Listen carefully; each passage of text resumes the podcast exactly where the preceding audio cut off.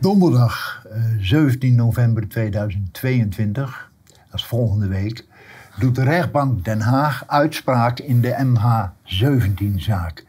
Er zijn door het Openbaar Ministerie vier verdachten aangewezen, tegen wie het eh, OM levenslang heeft geëist.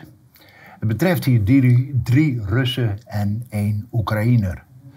In de studio zit hier onderzoeksjournalist Erik van der Beek. Die heeft dit proces nauwlettend gevolgd en de hele MH17-zaak uit en te na bestudeerd. Eh, hij heeft dat neergelegd in een boek, MH17, De Onderste Steen. Een non-fictie detective. En daarin heeft hij 352 pagina's lang behandelt hij deze zaak. Uh, als onderzoeksjournalist is hij eigenlijk een van de weinigen in Nederland die deze zaak zo uit en na heeft bestudeerd. Als journalist dus.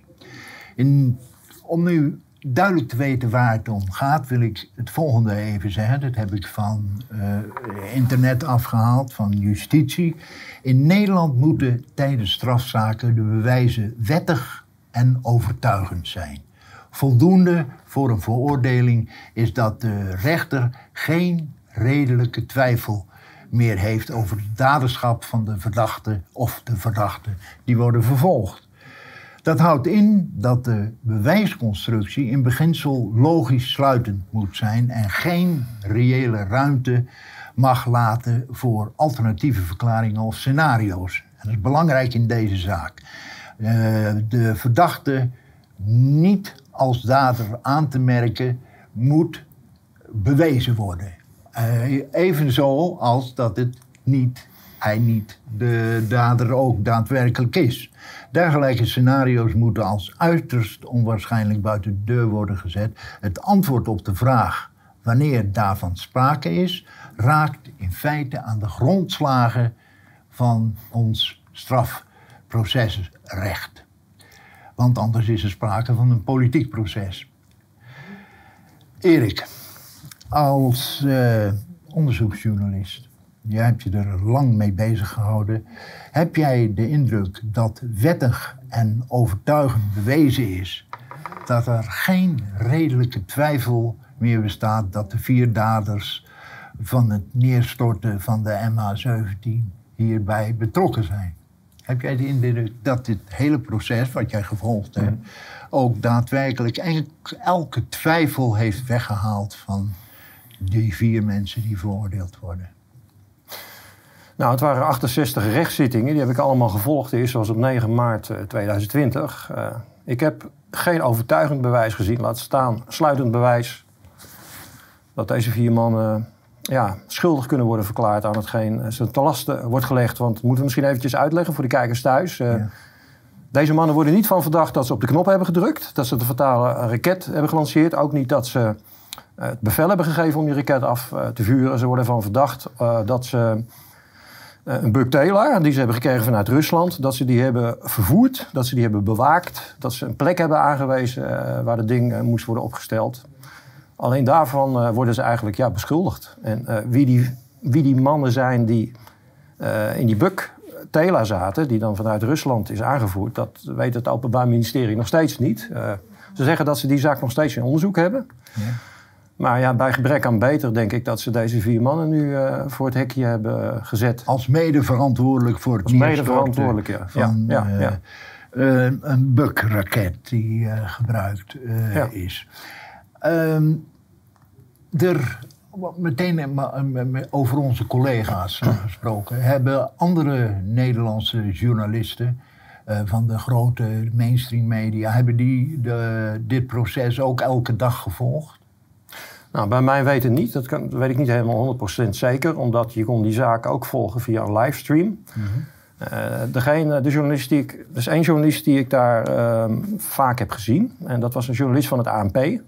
Maar wat me dan opviel was dat haar berichten vaker niet dan wel werden overgenomen door de kranten. Dat heb ik ook haar gevraagd. Klopt dat, dat die, jouw berichten vaak niet... Nou, dat moesten bevestigen. Dat, en ze wisten ook niet waar dat dan aan lag. De, ja, mijn verklaring daarvoor is eigenlijk dat iedereen al meent te weten hoe het is gegaan. Hè? Namelijk ja, dat verhaal van die Russische Buck Taylor, eh, die MH17 heeft neergeschoten. Eh, dus ja, eh, dat was, stond eigenlijk al vast voor de kranten en de andere media voordat het proces was begonnen. Sterker Dus- nog, dus, eh, eh, de NRC Handelsblad, dat Ja. doorgaat voor Ja, een kwaliteitskrant, ja, die schreef al vier dagen na het neerstorten, ja. zonder enig bewijs, ja. Dat de Russen het gedaan hadden. Ja, ja. Dat was de dikke suggestie van Ja, eh, Bas. Heijnen, opiniemaker van Ja, ja, de. NRC. Bovendien, een paar maanden later, ook zonder enig bewijs, zei de chef boeken van de NRC Handelsblad, kwaliteitskrant, die zei dat eh, het eh, de separatisten waren die de Buk-raket hadden afgeschoten en dat vliegtuig hadden geraakt. met andere woorden, er, je kunt het eh, hele proces niet zien binnen de grote context. En die grotere context is dat wij al jarenlang bezig zijn Ja. de, eh, de eh, hoe heet het, eh, Rusland als eh, gevaar voor de wereldvrede te zien. Ja, de Rusland zijn de slechte en de- wij zijn de goeie. En daar horen Ja. de Oekraïners ook bij. Ja, ja. Ja. Nee, inderdaad. Ik denk daarom dat er erg weinig interesse is geweest van de reguliere pers voor eh, deze rechtszaak. Eh, dat is gek, want ehm, de inzet is nogal fors. Want vier mensen kunnen veroordeeld worden voor iets Ja, waar zij niet bij betrokken zijn geweest of die indirect betrokken zijn geweest. Dus je mag verwachten dat een groter Ja. publiek daar ook in geïnteresseerd is. ja. Hoe komt het dat in Nederland dat niet het geval is? Dat je al in een vroegtijdig stadium Ja. een, eh, kunt zeggen in het proces... zij zijn het en we hoeven eigenlijk eh, dat niet eens meer serieus te volgen. Nou ja, om de reden die je net noemt. Hè. Dus dat eh, wij in Nederland vooringenomen zijn. De Russen zijn de goeie en... eh, of de Russen zijn de slechte en wij zijn de, wij zijn de goeie, de Oekraïners inbegrepen. Ja, dan hoef je eigenlijk ook niet te weten hoe het gegaan is. Want dan weet je het al. Eh, Toch meteen toch al, dan zijn het de Russen die het Maar dan hebben. is het een aanfluiting. Eh, dan heb je het niet over journalistiek, Ja. maar over propaganda. Ja, ja, nou ja. Oké, Ja. er zijn Amerikaanse satellietbeelden. Ja, Eh, ja. Dat heeft tenminste de toenmalige minister van Buitenlandse Zaken... eh, heeft dat... eh, Kerry was dat, ja. Ja, die meldde dat meteen kort na de ramp op Ja. 17 juli 2014. Dat we zagen de lancering, we zagen de raketbaan en we zagen de inslag. Ja, Klaar is Kees. Ja, ja. We hebben het bewijs. ja. Hoe is het met die satellietbeelden gegaan? Ja, die raket zou zijn ge- gelanceerd volgens de Amerikanen zes kilometer ten zuiden van Schniesne. Dat is zo'n stad in de Donbass. Ehm, ja, hoe is het daarmee gegaan? Nou, die hebben, heeft, die hebben we uiteindelijk niet gekregen. Hè? De rechtbank heeft gebedeld en gesmeekt. Ook de nabestaande vereniging van Piet Ploeg... eh, die heeft nog een, een brief gestuurd naar de Amerikaanse ambassadeur in Den Haag. Nou ja, er is niks gekomen, er is niks geleverd, nee. Wa- waarom niet? Wat, wat, wat Ja. is de verklaring van de Amerikanen om het niet te leveren? Ja, ze zeggen het zijn geheime satellietbeelden. En als we die leveren aan de Nederlanders, dan, kan dat, eh, dan, dan, dan biedt dat een inkijkje in de technologie die Ja, wij dat- tot onze dat- beschikking dat- hebben. Want ze hebben technologie waarmee je door de wolken kunt kijken. Met- Ja, dus, ja eh, nee, maar ja, hebben de infrarood eh, camera's. ja. Dat is een nonsensargument. Ja, Als, ja. Ik praat nu als journalist. Dat Ja. vind ik een nonsensargument. Ja, ja. Want het gaat hier om een onafhankelijke rechter... ja, die in beslotenheid van een rechtszaak naar die beelden kijkt en zegt... ze zijn er inderdaad. ja. Dus eh, dan kan je niet zeggen, ja, maar eh, we moeten het geheim houden, et cetera. Juist niet. Je moet het dan eh, aan de rechter laten zien. Ja, ja, ja. Nou, er, was wel iemand van de MIVD. En die mocht dan een kijkje nemen in Washington. Die zegt dan dat hij het gezien heeft. En die heeft dat ook de ambtsbericht opgesteld of zoiets. Maar dat is geloof ik niet rechtsgeldig in de rechtszaak. Want de rechtercommissaris, hè, dat, is de, dat is de onderzoeksrechter... die moet dat kunnen bekijken. En anders is het niet rechtsgeldig. Maar waarom mag de AIVD... eh, de MIVD was dat gewoon. MIVD, Ja. de Militaire Inlichtingendienst, wel naar kijken... maar een Ja. onafhankelijke onderzoeksrechter niet. Ja, goede vraag. Ja. Nou ja, misschien omdat ze die meer vertrouwen. Hè? Eh, omdat die, ja, wij, wij, dat is, ja, MIVD, dat is de Militaire Inlichtingendienst van Nederland. Nederland is een NAVO-land. En, eh, Dat, dat vind ik ook interessant. even voordat we over de, de exacte dingen gaan praten. Eh, het betreft hier in de JIT, de Joint Investigation Team... ja. Betreft het uh, voor het merendeel. We moeten misschien even uitleggen. Hè? Dat, uh, dat, dat, dat JIT, dat Joint Investigation Team, dat is een internationaal onderzoeksteam. En zit in Nederland in, België, Australië, Maleisië en Oekraïne. En, en dat, dat zijn politiemensen en officieren van justitie. En die hebben het strafrechtelijk onderzoek gedaan, uitgevoerd naar ja. ML17-ramp. Maar ja. dus op één na, dat is Maleisië zijn het allemaal uh, NAVO-landen of aan de NAVO gelieerde ja. landen. Ja, ja, en daarom mocht Maleisië er aanvankelijk ook niet bij misschien wel. Hè? Want die wilden ze, de Oekraïners wilden Maleisiërs er niet bij hebben aanvankelijk. Um, en uh, eigenlijk, ik denk ook dat de Nederlanders dat niet wilden en de Belgen. De Australiërs denk ik ook niet. Um, maar ja, dat de Oekraïners de Maleisiërs niet bij wilden, dat is bewezen. Hè? Dat is weer uit andere bronnen gebleken. Maar uiteindelijk zijn ze toch toegetreden in december uh, 2014. Ja. ja. Uh, en op grond waarvan mochten ze niet lid worden? ja, de officiële, de officiële uh, uitleg was dat de Maleisiërs de doodstraf hebben. Dus als ultieme straf. En, ja, maar ze worden in Nederland veroordeeld. Ja, ja, ja. Nou, dus dat, hebben niks met de doodstraf te maken. Nou, dat was toen nog niet bekend dat, nee, dat in Nederland de rechtszaak zou plaats hebben. Dat was in 2014 nog niet bekend. Dus nou ja. Uh, daarna mochten ze er dus wel ineens bij. In, in december 2014. En toen gold die doodstraf niet meer. nou, toen was er een, af, is er een schijnt er een afspraak te zijn gemaakt. Tenminste, dat is wat het Openbaar Ministerie mij verteld heeft met Maleisië. Ik weet niet welke afspraak dat is geweest. Daar geven ze geen openbaarheid aan. En waarom kon dat niet eerder gebeuren? Die afspraak. Ja, dus. nee, nee, die, zijn gewoon puur journalistieke ja, ja, ja, ja, ja. Ik, bedoel, ik wil daar niks mee suggereren. Nee, dat zijn goede vragen. Is voor de hand liggende vraag zijn. En ook voor elke journalist in Nederland zou dat een voor de hand liggende vraag Gek genoeg worden dat soort vragen dan niet gesteld in de uh, zogenaamde kwaliteitspers. Nee. nee. Wordt niet gesteld. Nee, omdat wederom kennelijk het idee is dat... We weten het al lang sinds uh, 17 okay. juli, toch? Wie ML17 heeft neergeschoten, uh, ja. Dat is uh, de, de, zittingsrechter, Hendrik Steenhuis, maakt aan het begin van het proces duidelijk... dat het in de MH17-zaak draaide om drie hoofdvragen. Ja. Welke zijn die? Is ML17 neergehaald met de Bukraket... Uh, is die Bukraket afgevuurd vanuit een gebied dat gecontroleerd werd door de separatisten, hè, de rebellen. Uh, en vraag drie, uh, hoofdvraag drie is, uh, hebben die vier mannen die nu terecht staan, hebben die daar iets mee te maken gehad? Ja. ja maar dan begrijp ik het nog niet, want als die mannen ermee te maken hebben gehad, maakt hun nog niet schuldig voor het afvuren van die raket. Nee, ja, de kopten worden beschuldigd van medeplichtigheid. Komt het ja, maar medeplichtig aan wat? Nou, hun bedoeling, was, hè, uh, hun bedoeling was vliegtuigen neer te schieten. En dat, dat was ook al voor dat MH17, dat moeten we ook even misschien vertellen, dat is ook wel belangrijk, detail. Dat voordat MH17 neerkwam, waren er al 16 vliegtuigen of toestellen, of ja, nou ja, helikopters, uh, gevechtsvliegtuigen en militaire transportvliegtuigen waren al neergehaald in dat gebied. Hè. Dus uh, ja, die rebellen, die hadden de intentie om alles wat vijandig was, hè, namelijk wat vanuit Kiev eh, daar aan kwam vliegen, om dat neer te halen. Nou, daar slaagden ze ook redelijk goed in.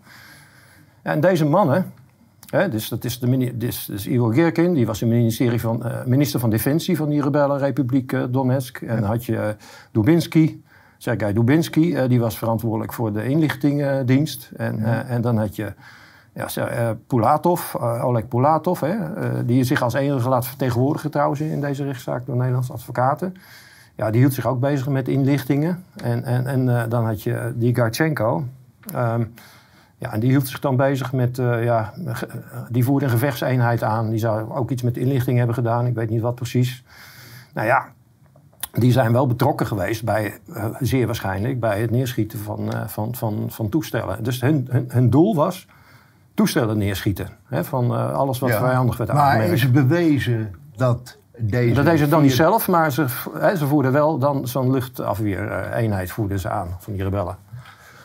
Of dus ze ja. moeten hebben geweten dat er op dat uh, vliegtuig geschoten zou worden, de MH17.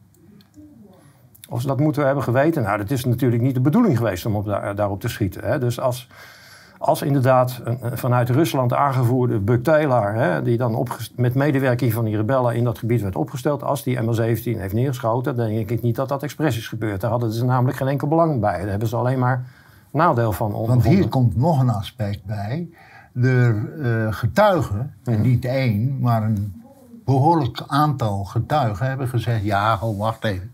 Dat vliegtuig, die MH17, die zat in de lucht. Inderdaad, dat kon je zien, een groot vliegtuig. Maar daaronder waren gevechtsvliegtuigen aanwezig. Ja.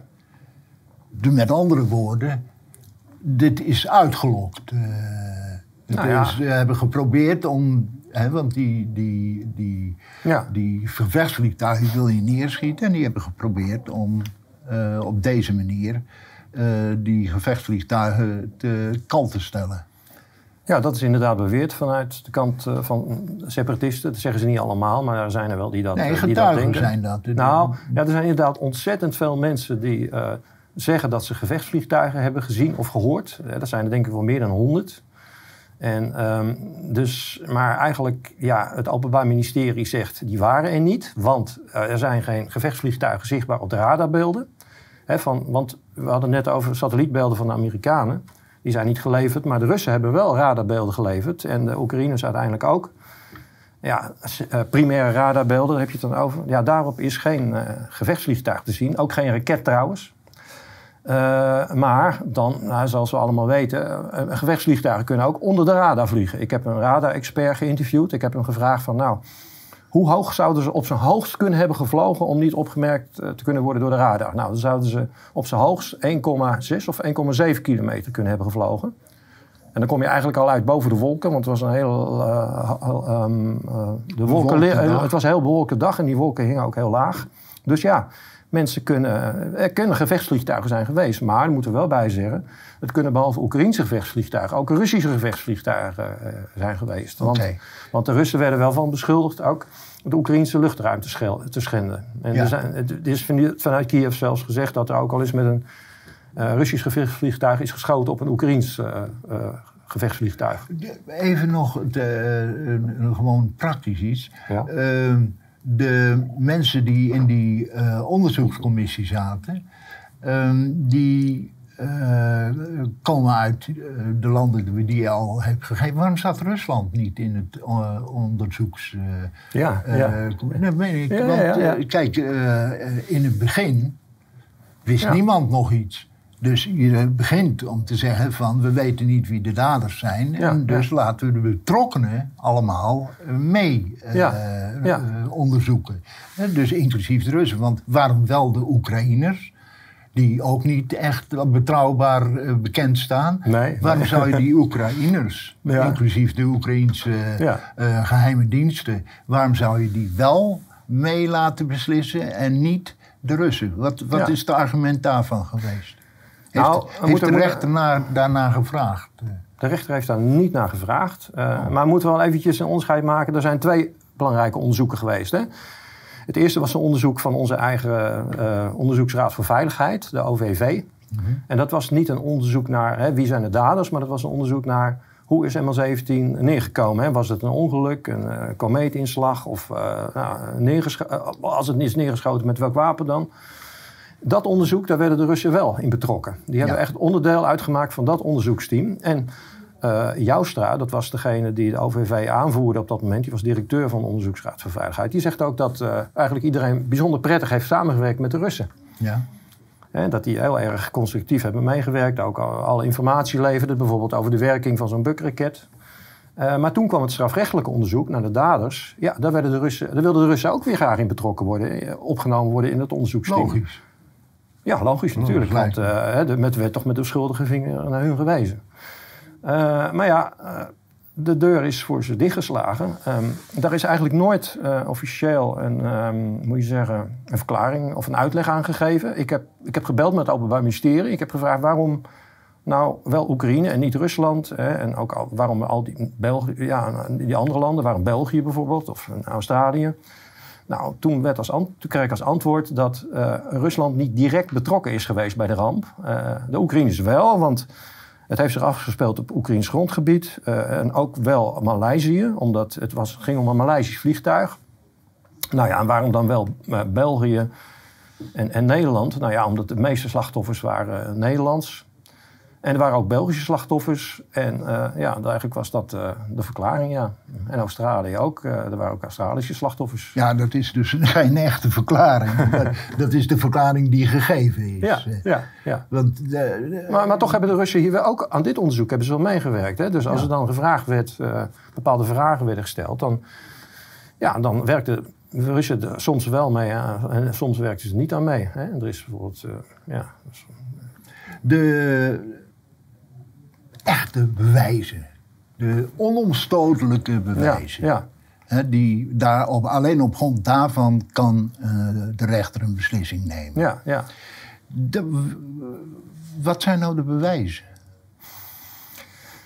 Ja, het hangt er vanaf of je het als een bewijs ziet of niet. Ja, ik zie het dan niet als, een bewijs, als bewijzen, maar het Openbaar Ministerie dus wel. Uh, ja, er zijn verschillende diverse uh, bewijsbronnen. Hè? Want je tussen hebt aanhalingstekens. Tussen ja. aanhalingstekens dus, ja. Je hebt de ooggetuigen, be, eh, bewijzen van ooggetuigen. Je hebt uh, forensisch bewijs, hè, zoals het materiaal wat is aangetroffen op, uh, op, de, op het vliegtuig en de inzittende. Ja, ja precies. En, en op de rampplek of rond de rampplek. Ja, dan heb je ook afgeluisterde telefoongesprekken van de separatisten. Dat is trouwens ook interessant, want uh, wat het Openbaar Ministerie wel heeft, is, heeft ontvangen, is afgeluisterde uh, telefoongesprekken van de separatisten, maar niet geen afgeluisterde gesprekken van de Oekraïnse strijdkrachten. Die hebben natuurlijk ook allemaal telefoontjes met elkaar gepleegd voor, na en tijdens die ramp, maar ja. die hebben we niet gezien in de, in de rechtszaak.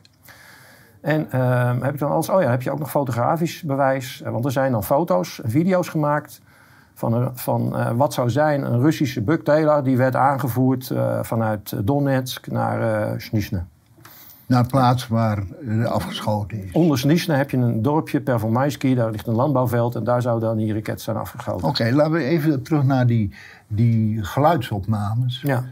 Uh, waren dat de originele geluidsopnames die Nederland gekregen heeft? Ja, dat is een goede vraag. Uh, en ook wel, ja, je merkt aan me, ik begin te lachen. Maar eigenlijk viel ik van mijn stoel toen ik, uh, toen ik, toen ik het volgende hoorde in de rechtszaal. En dat was namelijk Nee, ik moet even teruggaan in het verhaal. De advocaten hebben meermaals gevraagd aan het Openbaar eh, Ministerie... precies wat jij nu vraagt, waren het de originele geluidsopnamen.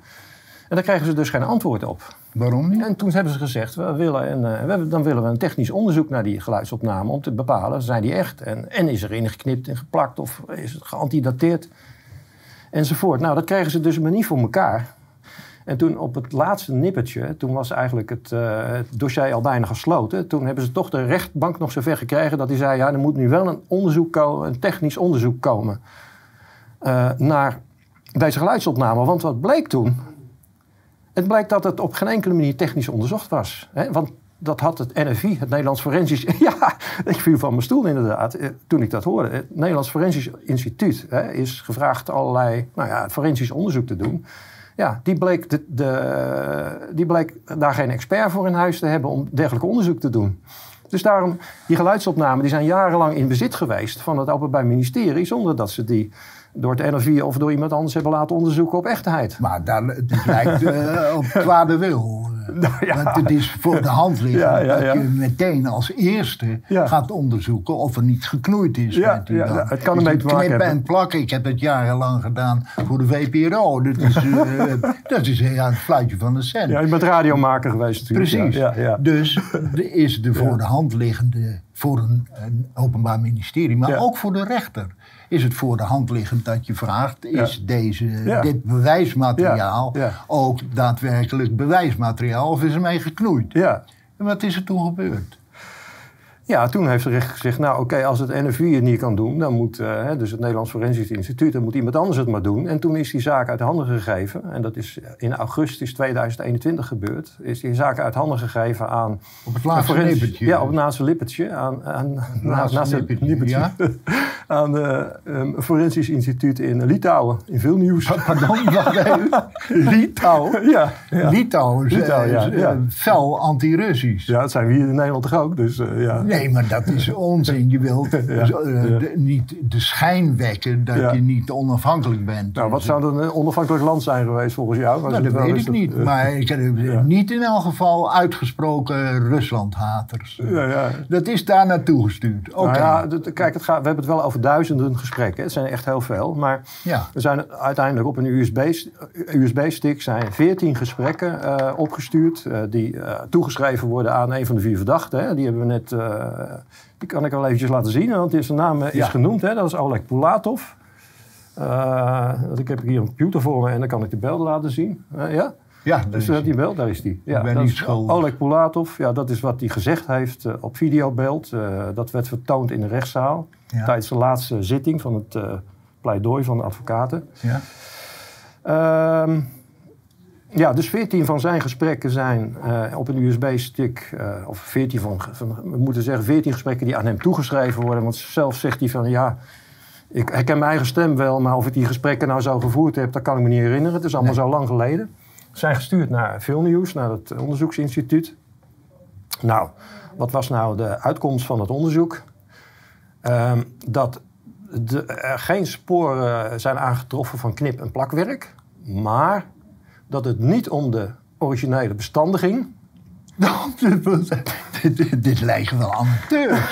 ja, ik- inderdaad. Dit gaat dus het is- onder- Ja, ja, het waren niet de originele bestanden, eh, liet dat in. Maar dat was ook weer. eh, het Openbaar Ministerie heeft dat, die vraag niet eens gesteld. Hè? Dus ook de rechtbank kennelijk niet, of de onderzoeksrechter. Maar de advocaten hebben dit weer naar voren moeten halen. Die zeiden van oké, dit is de uitkomst van dat onderzoek. Maar we missen nog een paar dingen in de conclusie van het onderzoek. Van zijn het nou de originele bestanden of Maar- niet? Het waren niet de originele bestanden. Plus, plus het was niet onderzocht op voice cloning. En dat moeten we misschien ook even uitleggen. Ja, voice cloning, dus dat is dan...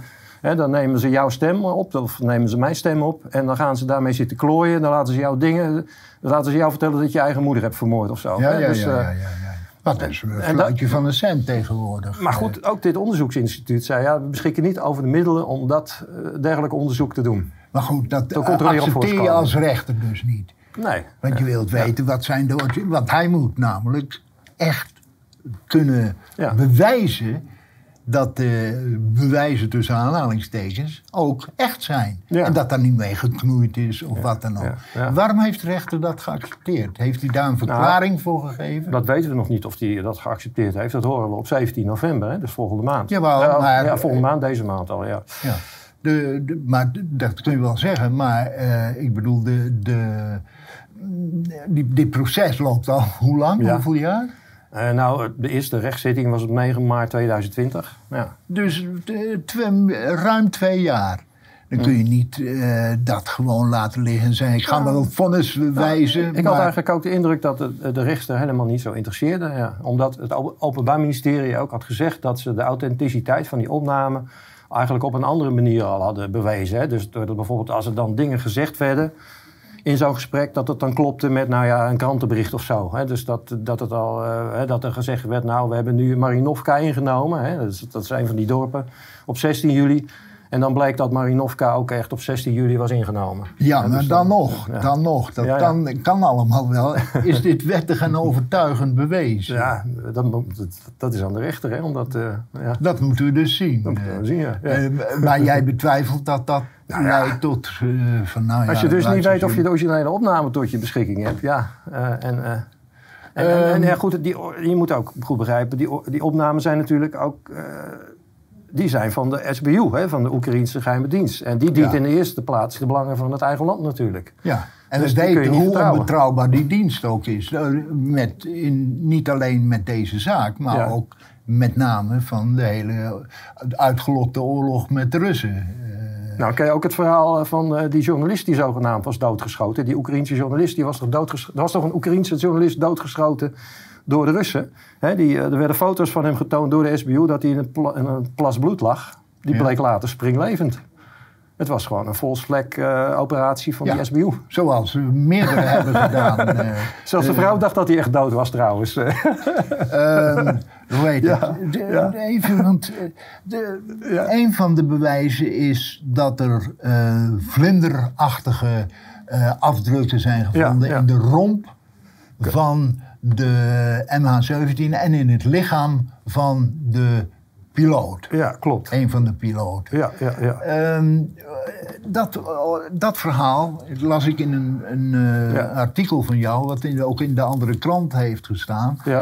Eh, dat is niet deze, maar eh, de andere krant heeft ruim aandacht besteed aan deze bewijzen. Mhm, mhm. Wat valt daarover te zeggen? Mhm, Die. Eh, die, zijn die afkomstig van een bukraket, die vlinderachtige inslagen? Ja, nou, je ziet hier inderdaad eh, op die foto die ik nu Oh, laat ja. zien... eh, twee vlindervormige deeltjes. Ehm, Ja.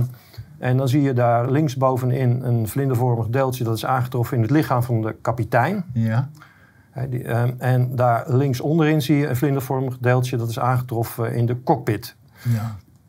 En nou, daarvan zegt dus het Openbaar Ministerie... dit is het bewijs dat MH17 is neergeschoten... met een bukraket. Die was uitgerust met een springkop... ja. Eh, ja, van een bepaald type waar deze deeltjes in zitten. Vlindervormige deeltjes. Hoeveel En, van eh, die deeltjes zitten daarin? ehm, er zitten 1870 vlindervormige deeltjes in. En ze hebben twee te gevonden. Ja, en dan moeten we ook eventjes denk ik laten zien... ehm, ja, want springkop... eh, Want, want hier zie je ook een foto... Ik laat even een foto zien van de springkop. Er zitten niet alleen vlindervormige deeltjes in. Dit is trouwens... Wat je ziet daar bovenin is zo'n ehm, springkop... Ja. waar die deeltjes in zitten. Ja. En die zie je links onderin eh ja, bowtie, dat zijn die vlindervormige deeltjes. Ja. Maar er zitten ook nog deeltjes in van een andere vorm. Dat zijn squares, dus eh, helemaal rechts onderin. ja. Vierkanten of tegelvormige worden ze wel genoemd. En fillers, dat zijn ja, opvulletjes. Die zitten tussen de, tussen de tegels en de vlindervormige deeltjes in. Ja. Eh, ja, inderdaad, van die bowties of die vlindervormige deeltjes zitten 1870 in zo'n eh, springkop. En twee van aangetroffen, dus dan zou je zeggen, waar is de rest? Waar zijn de overige 1868? Ja. Nou, daar heeft de Openbaar Ministerie de volgende verklaring gegeven. Zij zeggen, niet al die deeltjes hebben het vliegtuig geraakt. Dat is de eerste verklaring. Tweede verklaring is... Hoe eh, weten ze dat? nou ja, omdat je dat kunt aannemen. Omdat zo'n springkop, eh, als die ontploft, dan gaan de deeltjes die gaan echt verticaal. Hè, dus recht op een, en, maar er zijn ook deeltjes die gaan zo zijwaarts. Hè, dus, eh, Ja.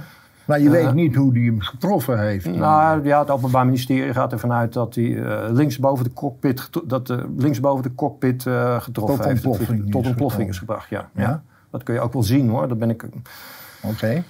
aan de schade aan het vliegtuig. Eh, nou, ze gaan ervan uit, dus, hè, dus niet al die deeltjes die hebben het vliegtuig geraakt. En ook een aantal deeltjes die hebben het vliegtuig wel geraakt, maar die zijn eh, uit het vliegtuig gevallen. Want het is in de lucht al in Ja. stukken gebroken, het Ja. vliegtuig. En de derde verklaring die ze hebben gegeven, en dat vind ik de meest ongeloofwaardige, dat vind ik wel echt een ongeloofwaardige verklaring. En dat is dat die deeltjes eh, eigenlijk ja, door de explosie van, eh, van die springkop en ook door de boor van het vliegtuig, dat die deeltjes zijn, eh, uit elkaar zijn gevallen of vervormd zijn geraakt. Ja. Dus van veel deeltjes die aangetroffen zijn in lichamen en in het vliegtuig, daarvan zegt het Openbaar Ministerie nu van ja, oorspronkelijk hadden die een vlindervorm. Alleen ja, die zijn ze dus kwijtgeraakt door de explosie van de raket en door de boor van het vliegtuig. Ja. En wat, maar wat die advocaten nu heel slim hebben gezegd, en, ik- en, en, en eigenlijk zijn ze daar ook voor een deel in, door in het gelijk gesteld, door, eh, door het NFI, nee, door NLR, Nederlands Lucht- en Ruimtevaartlaboratorium, eh, Centrum, is dat, ja, oké, je hebt dan, ik liet net die twee vlindervormige deeltjes zien. Ja. Misschien hadden die ook wel een andere vorm. En zijn die ook vervormd geraakt door die explosie, door de kracht van de explosie Ja, en door het ja, doorboren van het vliegtuig. Dus je weet niet wat de oorspronkelijke vorm is geweest van die deeltjes. Dus ja, wat is dan nog het bewijs dat het een bukraket was? Ja. ja. Nou, Dat is is niet wettig en overtuigend. Nou, dat is aan de rechter dus, omdat ik, ik vind dat inderdaad Nee, geen nee, bewijs. ja, maar, ja, maar eh, goed, maar dan laat ik nog iets We zijn anders. er zelf ook nog bij. eh, hè, de, de, de rechter kan dat. Kijk, wat, dat is een ander hoofdstuk. Dat is natuurlijk, Ja. of je het nou wendt of keert, het is een politiek proces. Want ah, het vindt in een omweld plaats, in, een, in een heel van eh, wij versus de, de Russen. Eh, Mhm. Ja. En dat speelt natuurlijk de hele tijd mee. Je moet wel ontzettend knap in je schoenen staan, stevig in je schoenen staan, Ja. om als rechter te zeggen, Ja, ja klopt. bewijs is te kort, is te weinig, is Klopt, eh, niet klopt, eh, overtuigend genoeg. Ja. Dus eh, die, op hem zal, of haar, of eh, wie dan ook, zal een enorme druk eh, staan. Eh, hebben al die mensen die willen dat eh, de- de- want die hebben al zelf beslist dat de Russen het zijn. Dus die, die zullen niet accepteren dat de Russen het niet zijn. Althans, niet Nou ja, bewezen. je, je mag toch hopen dat de rechtbank die druk kan weerstaan. Maar inderdaad, het is Oh een terechte zorg die je hebt. De advocaten hebben dat ook uitgesproken. Hè. Die hebben eigenlijk de rechtbank nou ja, nog net niet gesmeekt om de twijfel een kans te geven. Hè. Die Ja. hebben dat benoemd dat er eigenlijk is een trial by media, noem je dat in Amerika, gevoerd. Hè. Dus, ja, want eigenlijk iedereen in Nederland, de kranten en de politiek, iedereen is ervan overtuigd, het waren de Russen. Dus ja, eh, Ja, wat moet je dan als rechtbank? De- de- Hè? en trouwens ook de nabestaande vereniging, vergeet dat niet. Hè? Dat is Ja. eigenlijk ook een soort emotionele chantage die er wordt uitgevoerd vanuit die eh, nabestaande vereniging van Piet Ploeg. Eh, die, de nabestaanden hadden ook spreekrecht. En eigenlijk zag je wel. Nou, er waren er ook wel nabestaanden die eigenlijk in het midden een beetje lieten. Maar ja, wij hebben in Nederland het beeld van die nabestaanden. Hè, dus die Piet Ploeg, die, die, eh, die voorzitter van die nabestaande vereniging, die spreekt namens alle nabestaanden. Ik Ja. weet niet in hoeverre dat nou echt het geval is, maar hij, die man is ervan overtuigd dat het waren de Russen. En, die wil gewoon, ja, die vier mannen moeten eh, veroordeeld worden. Hè? Dus daar moet die rechter, die moet, zich daar ook, die moet daar ook rekening mee houden. En in natuurlijk. Nederland eh, houden van slachtoffers, daar zijn ze gek op. Eh, dat zie je op alle manieren. Hè. De slachtoffers hebben al sowieso gelijk. Ja, ja, ja. Want ze zijn namelijk slachtoffer. Ja, ja, ja, ja, Dus, ja, ja, ja, ja, ja. Dat, die hele sfeer Ja. Deugt niet. Waarin dit, eh Nou, van, van, waarin de, van, de iemand kant van, recht moet spreken. van, het, van, het, van de kant van het eh, Openbaar Ministerie vind ik het wel echt een politiek proces, ja. Die hebben niet onder stoelen of banken eh, gestoken. Die hebben oneigenlijke argumenten ook bijgehaald, eigenlijk om Rusland zwart te maken. Vind ik. Laat die foto eens Maar, zien. maar dit, dit, nou, we moeten ook Ja. nog even, want we hadden natuurlijk Ja. over vraag 1. De, Oké. eh, over, was het een Buk-raket? Ja? En het meest overtuigende bewijs dat het een Buk-raket eh, was, vind ik wel dit eh, bewijsstuk dat door het Openbaar Ministerie naar voren is gebracht. Ja? Dat is namelijk de zogenaamde groene prop. Die is aangetroffen in de sponning van het cockpitraam. Hè. Links Ja. onder, de, of helemaal onderin zie je dat ding, dat, dat onderdeel dat ze hebben aangetroffen. En bovenin zie je de plek waar het is aangetroffen. Ja, en daarvan wordt gezegd, het is, hè, het is een prop. En als je die uit elkaar trekt, als je die uit elkaar vouwt... dan krijg je een onderdeel en dat lijkt een onderdeel te zijn van een bukraket. Dan zal ik Ja. dat er ook eventjes bij zoeken. Ehm, dat is dit. Ja, dat is een, eh, een grondplaat eh, en die zit... Van een eh, bukraket, Van ja. de bukraket zit... eh, Zo'n onderdeel kun je vinden in de staart van de bukraket. Die verbindt eigenlijk de bukraket met de lanceerinstallatie. hè, De buk Oké, en die hebben ze aangetroffen in de sponning van het vlieg, van het raam. Van In verfrommelde vorm, ja. En die, die zat er echt vastgeklemd, dus die kan daar niet handmatig in zijn aangebracht. Maar nee, hoeft ook niet. Je kunt het ook erin drukken, duwen. Ja, ja, mm, ik zou zeggen van niet op het eerste gezicht. Maar, Waarom eh, niet? nou ja, nou, daar, het is wel zo dat die wakstukken hebben daar ongelooflijk lang onaangetast. Of onaangetast. Het heeft eh, hoe lang geduurd? Vier maanden voordat die Nederlanders eindelijk eens naar wakstukken gingen zoeken daar. Hè? Ja. En, eh, en, en, en dus sommige onderdelen die zijn hele tijd kan daar ook mee geknoeid zijn met die wrakstukken. Ja, nee, absoluut. Ja. Ja, ja. Dat is ook heel zorgelijk. Want er is ook een, een wrakstuk, kunnen we ook even laten zien. Eh, dat we hebben het over de straalbuis of de motormantel. Die is pas na negen maanden is die aangetroffen in het rampgebied. Hè. Die werd heel pontificaal werd die vertoond op een persconferentie van het Joint Investigation Team. Ik wil even vragen, is Ja, ja. dit de, het betreffende wapen wat eh, daar eh, afgeschoten is, waardoor het vliegtuig naar beneden kwam? Is dat? Nou ja, dat werd wel heel sterk gesuggereerd op dat moment. Iedereen dacht, oké, eh, dit is dus het bewijs. Hè. En je Nee, naast want kijk, de, Ja. de- die kern, die kop, Ja? Die, die, die is, eh, daar zit geen, die is niet uit elkaar gevlogen. Nee, ja, dat is ook zoiets. Dat is ook zoiets raars. Want er zijn inderdaad... Ik heb foto's gezien van afgeschoten bukraketten. En dan is dat ding is helemaal gespleten en uit elkaar gevallen. Dus dat is, dat, daar hebben de Russen trouwens ook op gewezen. Dat dit heel merkwaardig is. En ook en daar links daarvan zie je ook een straalbuis. Dus dat is... eh, eh, dat is eh, de, uitlaat, de, uitlaat, de uitlaat. Ja, precies. Ja, die zijn pas negen maanden na die ramp zijn die aangetroffen in het rampgebied. Er waren Nederlandse marechaussees eh, die daar uh, En die kwamen hiermee uh, aanzetten. Nou, maar, ja, dus de eerste beste journalist, zoals Ja, ik, ja. ik ben er niet met deze zaak bemoeid, zou hebben gezegd, hé, hey, wat gek. Want als dat die vlindervormige inslagen heeft gemaakt, waarom is het ding dan niet kapot? Ja, ja, ja. Die ja. uit elkaar gevlogen. Ja, En bovendien zo'n... eh, Die hele zaal die zat vol met journalisten, maar eh het was echt een enorm publiek wat daar zat. Maar er was helemaal niemand die die vraag stelde. Niemand? Nee, nee. Dat ben je niet. Ja. Dat is- Een operette lijkt het wel. Dit is toch geen serieuze... Nee, maar dit, dit, het wordt nog gekker. Dit want- is een serieuze bewijsvoering. Maar ja, nee, het vertel. wordt nog gekker. Ik moet er even verder vertellen. Want eh, kijk, die marechaussees die hebben dit ding niet op eigen kracht. Die, hebben, die werden opgewezen door een onbekende. Die zei, moet je eens even met me meekomen. Ik heb iets gevonden. En, eh, nou, dus ze zijn naar die plek gewezen. En die advocaten wilden natuurlijk weten van Poulatov... wie was dan die man die die marechaussees wees op hè, deze twee onderdelen. Nou, dat, eh, dat mochten ze niet weten, de, de advocaten. Want? Dus ja, eh, dat was Geheim. geheim ja, ja. Maar waarom was het geheim? Ja, nou ja. Dat had de rechter Misschien, misschien wel omdat het iemand van de SBU Ja, was, ik weet het niet. Daar had de rechter daarna moeten vragen.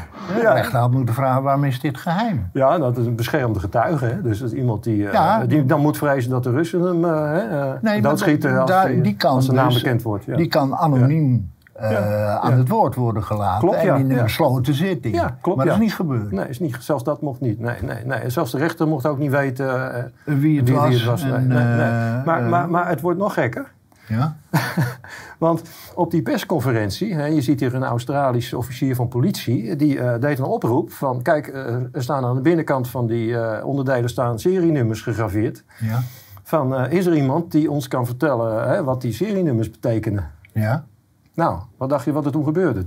Ik zou het gewoon niet weten. Nou, toen kwam er dus het, het, het ministerie, het Russisch ministerie van Defensie, hield een persconferentie. En die zeiden, nou ja, die raket die herkennen we wel, ja. Want die hebben we in 1986 geleverd aan de Oekraïners. En dat kon ze ook bewijzen via bewij bewijsstukken. Ze hadden nog de raketadministratie. En ze zeiden, nou ja, kom maar naar Moskou, dan laten we jullie zien. Ze hebben ook kopieën opgestuurd naar Nederland. Kortom, Ze zijn in Moskou niet wezen kijken, bij mij weten trouwens. Eh, Niet? Maar, eh, nee, nee, nee. En, En de rechter heeft dat geaccepteerd. Nou, de rechter hoeft zich... nou, het wordt nog gekker. Ja, je zou het bijna niet... Maar het is operette, zoals je zegt. Wat heeft het Openbaar Ministerie nou uiteindelijk gedaan? Ze hebben gezegd, nou, we gaan dit niet meer als bewijs eh, inbrengen in die rechtszaak. Dit is, deze onderdelen zijn voor het bewijs afgevallen. Want, zei de officier van justitie... eh, we hebben niet kunnen bewijzen dat deze raketonderdelen op 17 juli 2014 in het, raket, in het gebied zijn beland. Misschien is het al voor die datum of na die datum zijn die onderdelen in het eh, gebied beland. dus heel wijs natuurlijk van het Openbaar Ministerie dat ze deze uiteindelijk niet hebben ingebracht in het requisitor. Hè? Dus, eh, Maar dan, dan, want, want, dan, want dan, dan, dan stel je als rechter de vraag... Ja. Dames en heren, u komt hier met bewijzen aan, tussen aanhalingstekens... en nu laat u die bewijzen ineens vervallen. Waarom laat u die bewijzen nu weg? Ja. Wat, wat is de motivering geweest? Nou ja, misschien gaat het, eh, de rechter dat nog, eh, of zal de rechter daar nog iets over zeggen op 17 november. Ik weet het niet. eh. Eh, eh, de- maar ze hebben het niet gevraagd, nee. over Maar- die vlinderinslagen. Hm, ja. Er is nog eentje gevonden, hè? Zo'n, eh, de- eh, als ik me niet vergis. eh, of misschien haal ik twee dingen door elkaar. Maar ehm, eh, een journalist die daar ter plaatse was, die heeft daar iets neergelegd. Ah. Of Ja. daar het vermoeden bestaat dat hij iets heeft neergelegd. Wat, wat was dat precies? ja, dat was eh, Jeroen Akkermans van RTL Nieuws. Ik zou niet durven beweren dat hij eh, een vlinderdeeltje daar zelf heeft neergelegd op een wrakstuk. Maar eh, hij laat op camera zien dat hij dat beeldje daar, daar aantreft. Of dat onderdeeltje, dat vlindervormige fragmentje daar aantreft. Hij heeft het ook meegenomen naar Nederland. Hij heeft het laten onderzoeken door een of ander Britse instituut. Ja. Ja, nou daarvan is aangetoond, is eh, overduidelijk aangetoond, dat dat, dat, daar, dat moet dan neergelegd worden. Omdat dat wrakstuk waar die op aantrof, op satellietbeelden zie je, dat het een paar dagen ervoor ligt dat het wrakstuk, dat ligt omgekeerd.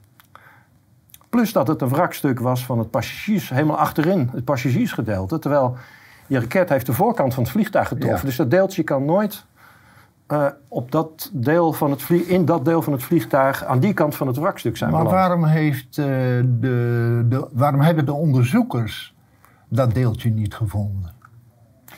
Ja, om, die reden die ik je al noemde, dat het ongelooflijk lang heeft geduurd voordat eh, het Nederland, die Nederlanders zo'n forensisch team, naar Oekraïne werd gestuurd om die wrakstukken te bergen. Het heeft vier maanden geduurd voordat ze begonnen. En Maar negen maanden even, later waarom waren ze heeft nog het bezig. zo lang Dus, eh, geduurd? Eh, ja. Als journalisten daar rond kunnen lopen, kan een onderzoeker van het leger of van de marechaussee of wat dan ook, had daar ook kunnen rondlopen. Ja, nou iedereen, iedereen heeft daar rondgelopen al in de eerste dagen. Eh, de hele internationale pers liep daar rond. De Oekraïners liepen er rond. De Maleisiërs liepen er rond. Die waren ook als een van de eerste op de plek. Ja, het was hebben hun die- vliegtuig. Dat was hun vliegtuig. Nou, waarom waren de, Maleisiërs er eerder dan de Nederlanders? En dat is omdat de Maleisiërs die arriveerden in Kiev, hè, kort na de ramp. En de Nederlanders ook. Om onderzoek te gaan doen. En toen heeft Kiev gezegd, ja, het is veel te gevaarlijk om daar naartoe te gaan. Dat moet je niet doen. Nou, de Nederlanders hebben zich daar iets van aangetrokken. De Maleisiërs niet. Die zijn als een soort geheime missie, zeggen ze zelf ook. Het was onze geheime missie. We zijn gewoon stiekem zijn we vertrokken uit Kiev. En hup, recht naar dat rampgebied toe. En ze hebben uiteindelijk die zwarte dozen hebben ze uit de handen ontvangen van, de, van die rebellen daar in eh, Don- Donetsk. De, de, de Maleisiërs. Maleisiërs, ja, ja, ja. Dat was heel frustrerend natuurlijk voor de Nederlanders. Maar ja, het is een ongelooflijk verhaal. Maar, dat Ja, beschrijf ik ik- ook uitgebreid in mijn boek hoor. Eh, Ja. Want dit is heel erg goed gedocumenteerd weer in een ander boek. Van een, eh, Nogmaals, dit is het boek. eh, Ja. MH17, De Onderste Steen. En ik werk aan een opvolger van dit boek trouwens. Eh, er komt een vervolg. Ja. Dat hoop ik binnenkort uit te brengen. Eh, maar, maar, dit- maar, over, ja, want was het nou een bukraket? We waren nog bij die eerste vraag bezig, toch? Ja, ja. Want er is ook een contra-indicatie, een hele belangrijke contra-indicatie. Want wat krijg je als je met een, eh, een, een buk die uitgerust is met een springkop waar vlindervormige deeltjes, vlindervormige deeltjes in zitten? Wat gebeurt er als je daarmee schiet op een vliegtuig? Wat krijg je dan voor inslaggaten? Dan krijg je, zou je zeggen, vlindervormige inslaggaten. Want dat blijkt uit een test die Almas Antai heeft gedaan. Almas Antai is eh, de Russische fabrikant van die bukraketten. Die hebben experimenten uitgevoerd met de Illusion, eh, een afgedankt verkeersvliegtuig. Hebben ze met zo'n bukraket hebben ze geschoten op de Illusion. Nou, je ziet dan allemaal, ik kan het laten zien ook op een foto. Je krijgt dan allemaal vlindervormige inslagen. Ehm, waar heb ik... Ja, vlindervormige, vlindervormige inslaggaten. Ja. Niet allemaal in vlindervormige inslaggaten, want hè, onderin zie je ze trouwens uitgelicht, die vlindervormige inslaggaten. Je krijgt niet alleen vlindervormige inslaggaten, want zoals ik al zei, hè, zo liet zien op een eerder beeld, je krijgt ook, je hebt ook vierkante deeltjes en je hebt ronde deeltjes. Dus, Precies. dus niet alleen maar dat. Maar ja, op de wrakstukken van MH17 eh, zijn geen vlindervormige inslaggaten aangetroffen. Daar waren eigenlijk alle onderzoeksinstituten die eh, nou ja, onderzoek hebben uitgevoerd namens het eh, Joint Investigation Team het wel mee eens. Hè. Dus ook de Nederlanders en de Belgen hebben onderzoek gedaan naar de wrakstukken. Iedereen was er eigenlijk over eens, ja, op de wrakstukken van MH17 geen in- vlindervormige inslaggaten. Dan waren natuurlijk boze tongen die zeiden, ja, dat zijn de Russen. Die hebben, dit, eh, die hebben dat eh, experiment al uitgevoerd. Dat kun je ook zien op beeld. Dat ze, er is een video van dat ze op de vliegtuig schieten. Maar goed, toen zijn ze gestopt met filmen en toen zijn ze eh, bezig gegaan met eh, werktuigen hè, om die eh vlindervormige gaten te creëren. Maar wat is nou gebleken tijdens de rechtszaak? Dat ook het Joint Investigation Team heeft zo'n experiment uitgevoerd. Hè, dat ze met zo'n bukraket op, ja, dat noem je dan getuigenplaat hebben geschoten. Ja, geen vlindervormige deeltjes. Geen vlindervormige inslaggaten. Dus dat is, een, vind ik, een belangrijke contra-indicatie. Dat als het een bukraket was, dat het geen bukraket was met een springkop met, vli- met, met vlinderdeeltjes daarin. Dan zou het nog een ander soort bukraket Ja, ja, ja, ja, kunnen zijn geweest. Maar ja, eh, dus dat bewijs... Oké, we hebben een ander eh, bewijs, tussen aanhalingstekens. En Dat, is, dat zijn de, de foto's die gemaakt zijn van de lanceerplaats. Althans, wat beweerd wordt dat dat de lanceerplaats is. Ja. Je hebt daar een beeld ook van. eh, meerdere beelden. Ja, want, want we moeten natuurlijk al... Het is ook belangrijk, denk ik, even om tussendoor te vertellen... dat niet alleen de Russen beschikten over bukraketten, ook de Oekraïners. Ja, En uit, in- uit informatie van onze eigen militaire inlichting en veiligheidsdienst bleek dat die Oekraïnse bukinstallaties ook in het gebied aanwezig waren. Dat wil zeggen in het oosten van Oekraïne. En daar heb ik ook een plaatje van, inderdaad. ja. Ehm, dat is dit. Ja, Oh ja. dit is een visualisatie van het Openbaar Ministerie. ja. Eh, in, het, in het groen en in het rood zie je dan die, eh, die, buk, die Oekraïnse bukinstallaties. Waar die stonden volgens eh, de MIVD. Hè, Ja. Gebaseerd natuurlijk op informatie van westerse inlichtingendiensten over Ja, de NAVO-partners en de afgeluisterd Amerikanen. en door foto's gemaakt van, met satellietbeelden. En in het rood zie je dan Oekraïnse bukinstallaties die dan ja, buiten werking waren. Die dus kapot waren of niet, functioneel waren, niet functionerend waren. In het groen zie je Oekraïnse bukinstallaties die al wel eh, eh, eh, hoe heet het, actief of die ingezet konden worden, die, die functioneel waren. Ja.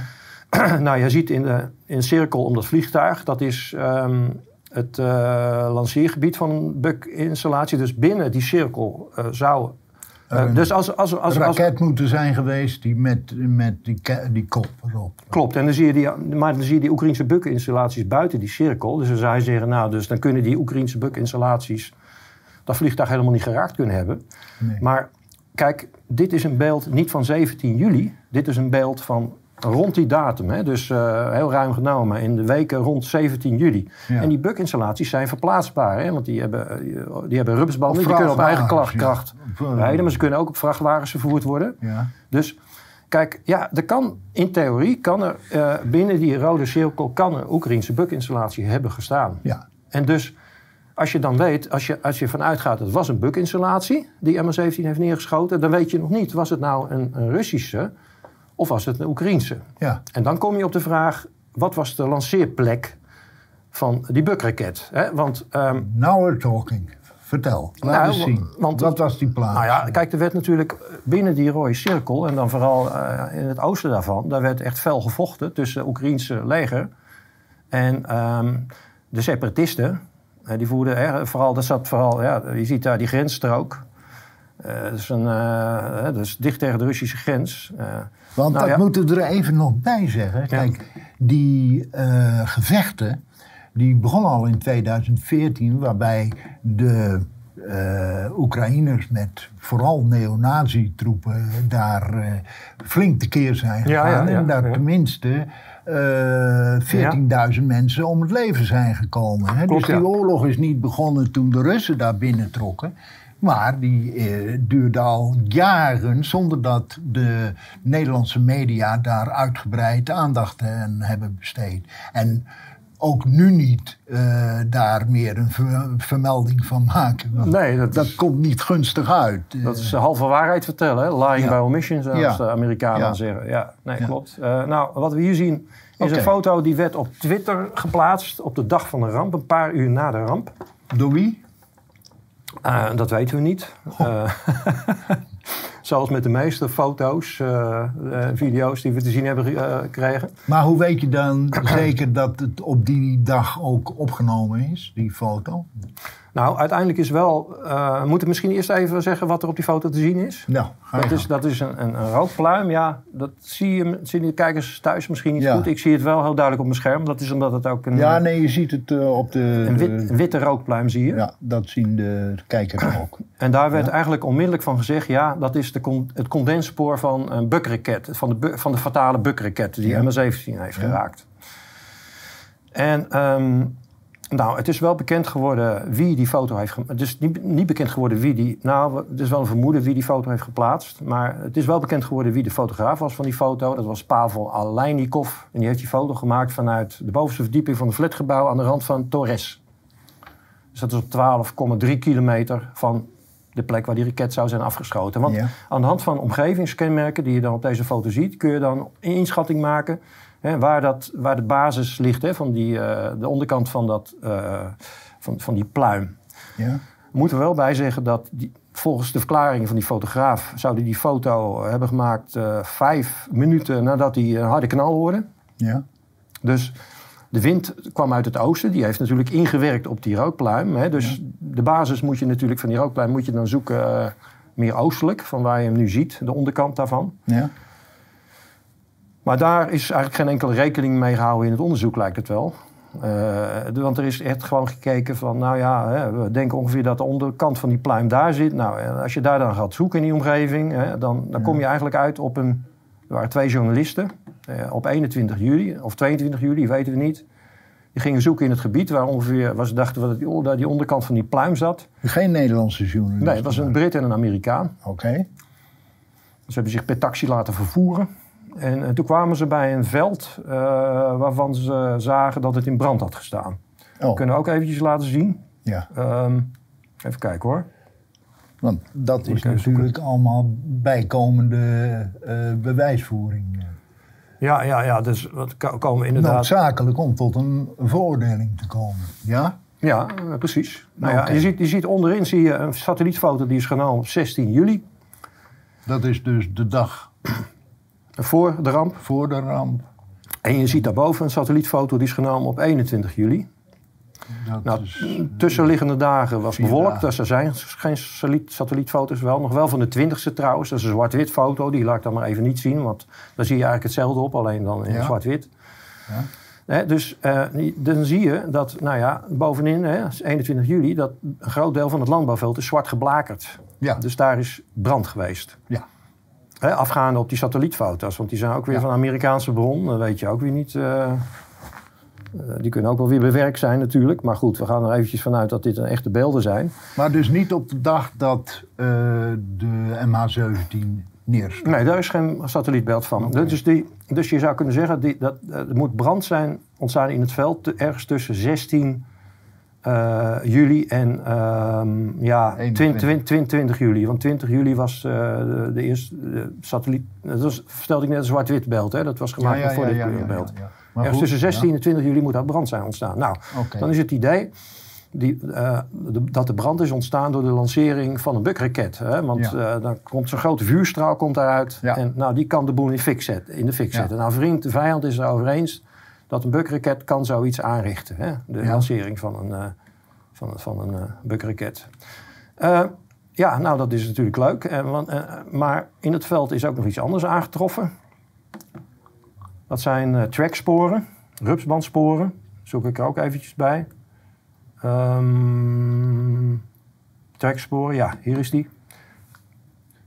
Ik weet niet of dat goed te zien is, hè? want links zie je weer die foto van 16 juli en rechts zie je... Oh, die zie je het zwart-wit beeld van 20 juli. Ja. Met een pijl aangewezen zie je dus een, een, eh, een trackspoor dat er op 16 juli nog niet was. Nou, daarvan wordt gezegd dat is eh, afkomstig van die Buck Taylor. Eh, dat is eh, gemaakt door die Buck. Die is een stukje het veld ingereden en die heeft toen ja, de fatale raket eh, afgeschoten. Jawel, maar er kan ook een tractor zijn die daar... nee, Ja, ja, ja, ja, ja. Nou ja, het is een landbouwveld. Dus inderdaad, kijk, het, het was behalve een landbouwveld waar allerlei landbouwvoertuigen rondreden. Ja. Ook nog allemaal, het was, werd daar veel gevochten. Dus er reden daar ook nog andere, eh, er reden ook nog tanks en ander materiaal reed daar rond. Ja. Maar ja, inderdaad is het, een, is het soms het, eh, het spoor van een tractor. eh, nou, of van een, een, een maaidorser. Hè, want die hebben nog een, een iets breder, een breder Ja, spoor. ja. Nou, een beeldanalist van ons eigen ministerie van Defensie heeft naar gekeken naar het beeld. En die heeft gezegd, ja, dat spoor is breder dan drie meter. En, en er zijn geen landbouwvoertuigen die een, een spoor hebben dat breder is dan drie meter. En, en, en het spoor van een Buck Taylor is 3,25 meter. Dus dit, hij denkt dat dit waarschijnlijk een spoor is geweest van een Buck Taylor. En nou, ik heb ook wel eens een lezing hierover gegeven. Was er iemand uit de zaal en die riep, een boer was dat. Ja, maar er zijn eh, de- ik, ik, die maaidorsters van... eh, eh, dat, dat, die, dat die wel degelijk bestaan, maaidorsters. Met een spoor eh, eh, eh, met een breedte van eh, ruim drie meter. En Maar- zeker in de Oekraïne, waar Ja. ze dus ontzettend veel landbouw hebben. En op grote schaal met enorme velden. Dus ik, Ja, ja, ja, vind het niet echt sterk. Nou, bovendien, ja. bovendien, wat mij ook opvalt. Kijk, als het een tank is geweest, waarom is hij achteruit gereden? Waarom is hij niet gewoon, heeft een draai gemaakt? En eh, is toen, dat, dat zie je dus meestal. Nou hè, dat ben- tanks, beetje- eh, ben- ben heel eens. wendbaar zijn ze, vooral de moderne tanks. Dus wa- waarom... eh, Ja. was hij bang dat er anders te veel schade aan de, aan, aan de landbouwgrond dat in de fik stond eh, maakte? Dus, ja, ja. ik, het lijkt mij ook niet Nou, eh, die- eh. nee, ik, ik ben, ben, dat, ben dat met je eens. Wat ook nog, dat beschrijf ik in mijn boek, dat is een, een verklaring die ik opper. Kijk, dit, dit, dit landbouwveld was bedekt met, met, met tarwehalmen. ja. Hè? Ja. En, want misschien was dit spoor er al, al voor 16 eh, juli, was dit spoor er al lang. En maar doordat de boel in de fik is gegaan en dat die tarwehalmen uit het zicht zijn verdwenen, ja, dan komt ineens dat spoor wat er al was, komt dan tevoorschijn op satellietbeelden. ja, dat kan ook. Maar- Maar, hoe heet het? eh, Zijn er niet andere branden daar in de buurt geweest? eh, Nou ja, of is, dat, is dit het enige brandje dat eh, daar aangetroffen werd?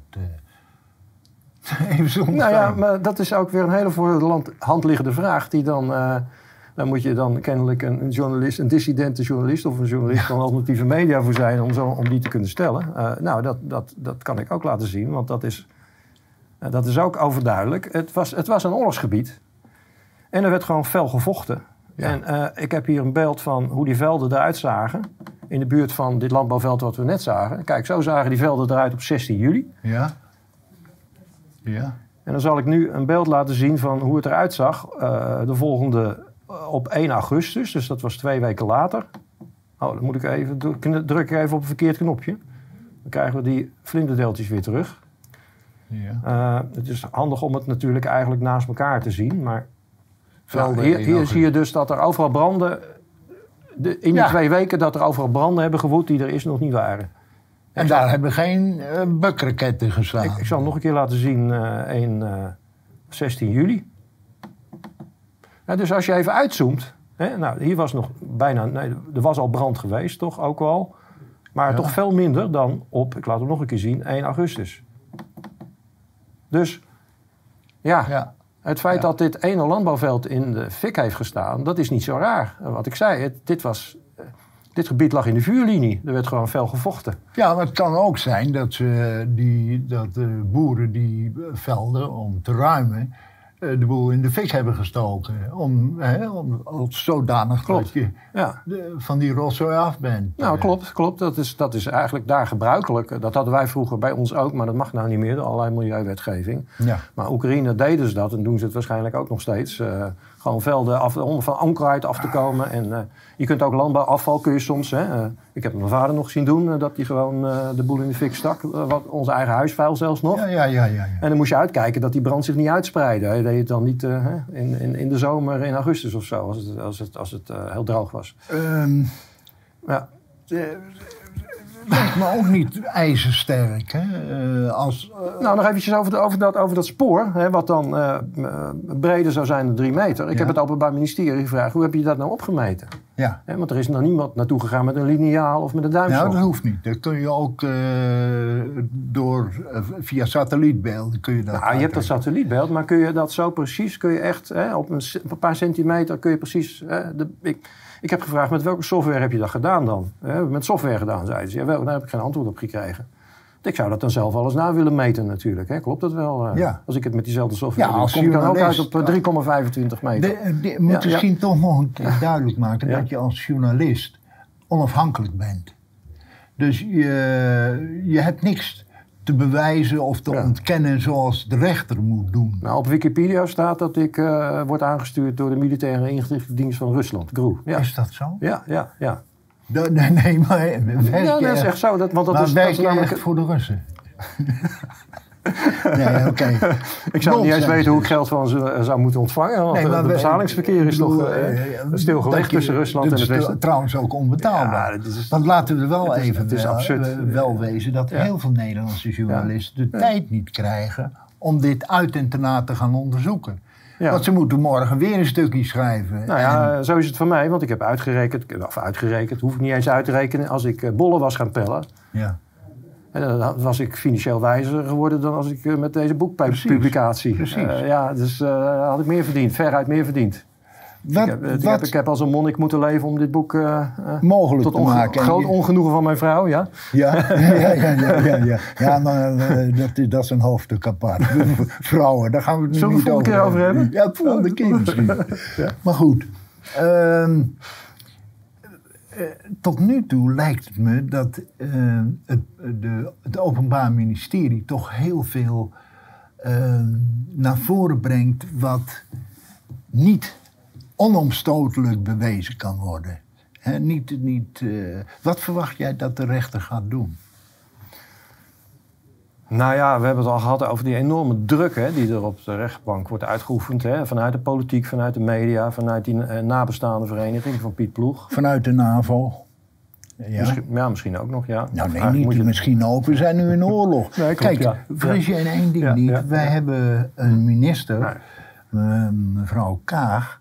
En die heb ik horen zeggen dat wij de facto, dus letterlijk citaat, de facto in oorlogstijd leven. Namelijk in oorlogstijd met de Russen. Rutte heeft dat toch ook gezegd? Dat, we, Nou, dat het ook onze oorlog is. Onze, het is ook onze oorlog, Ja, nou goed. Ja, ja. Eh, we leveren tanks, we leveren allerlei howitzers, eh, we leveren allerlei eh, informatie ook. Mhm, hè. Dus met andere woorden, ehm, dat speelt ook Ja, mee. absoluut. Ja. bij het geheel. Als wij dus nu Nou ja. in, in een, in oorlog zijn met Russen de facto, Ja. dan volgens de minister, niet volgens mij, dan betekent dat in concreto dat eh, dit proces nu onherroepelijk een politiek proces is. Wa- Wat je nou ook. eh, Nou, een barbertje moet hangen, hè? Die barbertje moet hangen. er moet iemand moet een schuldig er moet, worden. moet er minimaal één Rus moet eh, hangen. Ja. ja. Dus wat, wat verwacht jij dat. eh, Nou ja, kijk, aan de ene kant is er die politieke druk, maar aan de andere kant is er ook de druk van de advocaten van Poulatov, die twee Nederlandse advocaten. Ja. En ja, eh, kijk, als Poulatov schuldig wordt verklaard, dan komt er een hoger beroep. ja. De advocaten laten daar niet bij zitten. Heeft Nee. die rechtbank ook geen zin in natuurlijk. Nee. Dus wat ik denk en- wat die rechtbank gaat zeggen, Wa- Waarom heeft de rechtbank daar geen zin in? Die moet naar waarheidsvinding eh, streven. Ja, nee, dat moet, dat, eh, ik, nou, ik vertrouw er ook wel op dat ze dat doen. Maar eh, ja, goed, het zijn ook mensen natuurlijk. Zoals jij. Ja, ja. ja. ja. Nou, maar goed, ik, ik, ja, ze- het, het is vervelend. Het zou, ze, ze hebben daar geen zin in. Hè? Dus dat er een hoger beroep komt. Dus wat ik denk wat er zal gebeuren is... ze gaan Polaten vrijspreken... en die andere drie mannen gaan ze veroordelen. Tot levenslang of tot een, lagere slag, eh, straf gaan ze die misschien opleggen.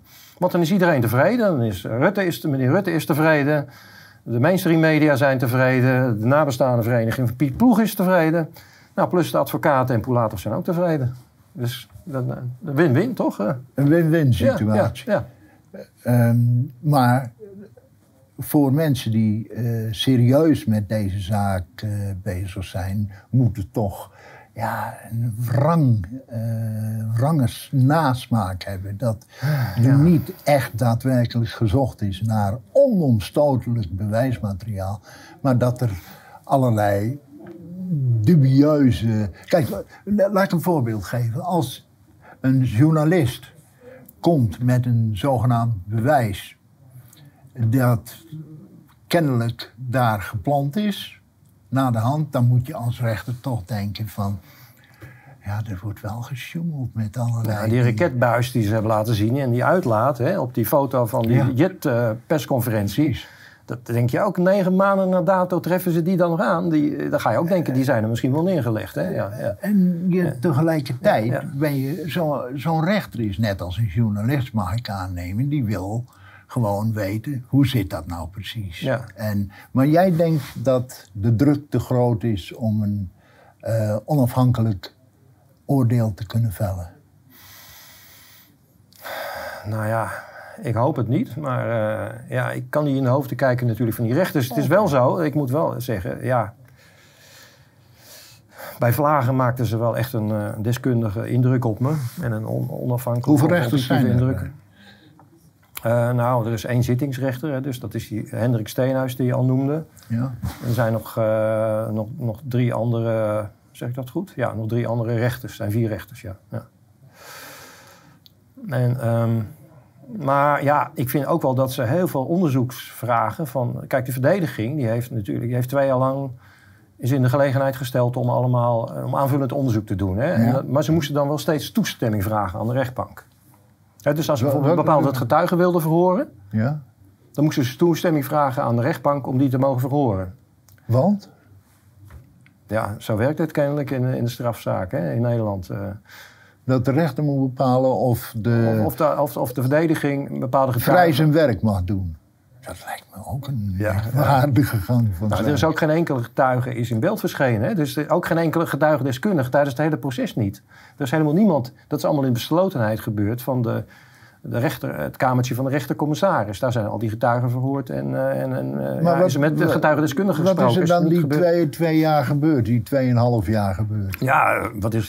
Ja, jij hebt daarbij gezeten. ja, ja, ja, ja. Nou, dat- Eh, Wie sprak er dan? Nou, dat was, dat was de, de rechtbank, dat was de verdediging en dat was het Openbaar Ministerie. Want steeds als, dan het, als de verdediging bepaalde, vond, hè, dus bepaalde onderzoeksvragen had, of wilde dat een bepaald onderzoek, dat er nog nader onderzoek kwam, hè, dan moesten ze dat voorleggen aan de rechtbank. En dan werd eh, het Openbaar Ministerie werd dan in gelegenheid gesteld om daar tegenin te gaan. Dat deden ze ook in veruit de meeste gevallen. Zeiden ze, ja, rechtbank, dit is onzin, want het, is, het staat al, allemaal al goed onderzocht en... eh, is nergens voor nodig dat die advocaten daarna vragen. Nou, in veruit de meeste gevallen heeft de rechtbank gezegd... ja, we zijn het met het Openbaar Ministerie eens. Die getuigen, het is onnodig om die getuigen te verhoren. Of het is onnodig om dat onderzoeksrapport... eh, om daar nog vragen over te stellen aan een getuigendeskundige of wat dan ook. Dus wat dat betreft moet ik wel zeggen, eh, heb ik, wel, heb ik ook weer niet zo'n goede indruk van die rechtbank. Nee, dat, dus die advocaten hebben wel meer dan 200 getuigen opgeroepen. Uiteindelijk hebben ze er geloof ik maar vijf gesproken. En wat was hun motivatie om eh, niet eh, veel meer getuigen te laten horen? Ja, die, die, nou, dat het in een te ver verband stond ten opzichte van... ja, er werden heel veel uit, uiteenlopende redenen werden daarvoor gegeven. Um, nou, er werd dan gezegd van ja, Kijk, die advocaten, wat die eigenlijk wilden doen, was uitzoeken van zijn er alternatieve scenario's mogelijk. Hè? Dus dat het bijvoorbeeld een, een Oekraïnse bukinstallatie was. Ja, wat logisch is, nou, want dat staat ook in uh, de, wat justitie vindt, wat een behoorlijk proces is. Ja. dat je ook uh, uitsluit dat het niet anders, uh, dat het ook anders zou kunnen zijn. Toen heeft de rechtbank gezegd dat is niet nodig. Want? Want het enige wat jullie hoeven te doen is bewijzen dat jullie cliënt dat die, onschuldig is dus dat die niks te maken heeft gehad bijvoorbeeld met de aanvoer van een bukraket. Oh, ze hebben het helemaal opgedeeld. Uh, nee, de advocaten kregen, werden niet in de gelegenheid. De rechtbank wilde niet meewerken aan uh, vervolgonderzoek of nader onderzoek naar alternatieve scenario's. Zoals een buk, het Russisch, Oekraïnse buk-scenario. Wilde de rechtbank niet aan meewerken. Ze zeiden van het enige wat jullie hoeven te doen, advocaten van Pulatov, is aantonen dat jullie uh, cliënt niks te maken heeft uh, met die feiten die hem ten laste zijn gelegd. Hè, zoals uh, het transport van die bukinstallatie. Ja, dit is de laatste vraag, want we zijn ver over oh. onze tijd. Oh, Kijk, um, dat de Oekraïnse geheime dienst betrokken is geweest bij dat onderzoek, dat stemt ook niet vrolijk. We weten namelijk wat ze allemaal uitgesproken hebben. We weten wat ze hebben inmiddels. Ja. En we weten ook hoe nu tijdens die oorlog er ook allerlei fake-operaties worden uh, georganiseerd. De, de media accepteren dat. Maar als je een onafhankelijke journalist bent, dan denk je, ja zeg, hallo, ik zit hier voor, uh, met een vak en niet om propaganda te bedrijven. Ja, nou, die, uh, programma Nieuwsuur, eh, bij iedereen wel bekend denk ik, die krijgen een harde schijf in handen met afgeluisterde gesprekken. Ja. Toen heb ik gevraagd aan Gert-Jan Dennekamp, hè, dat was die journalist die die uh, harde schijf in handen kreeg. Van, ja. uh, nou, kijk, het blijkt dat de, er geen technisch onderzoek is ingesteld naar die gesprekken. Ja. Je hebt nou die schijf in handen, stuur het naar een forensisch deskundige. Ja, precies. Om het, uh, hè, dit is toch, hier ligt toch een mooie taak voor de journalistiek. Ja. Jij hebt het, je hebt nu hè, bestanden in handen waarvan gezegd wordt: dit zijn originele bestanden. Laat het uitzoeken door een forensisch deskundige. En? Nou, heeft hij niet gedaan. Want? Ik zeg: het is de SBU. Je weet toch waartoe die in staat zijn? Nou, hij, zei niet, hij heeft niet gezegd van wie die, die schijf heeft gehad, maar hij heeft goede connecties bij die uh, Oekraïnse autoriteiten. Ja, zo werkt de Nederlandse journalistiek ook. Nou, hij zei, maar het is, al, het is al bewezen. Hij weersprak dat het, hij weersprak dat het nog niet, uh, dat, dat, dat niet onderzocht was door het Openbaar Ministerie, de echtheid van die, uh, die tapgesprekken. Ja, hij lulde uit zijn nek, om het maar zo te zeggen. Ja, ik heb het gezegd van wijs het me maar aan dan. Wanneer is dat gezegd dat het uh, technisch onderzocht is? Nou, het is niet technisch onderzocht. Bleek op 1 uh, november 2021 tijdens de rechtszitting. Erik, hou vol. Dankjewel.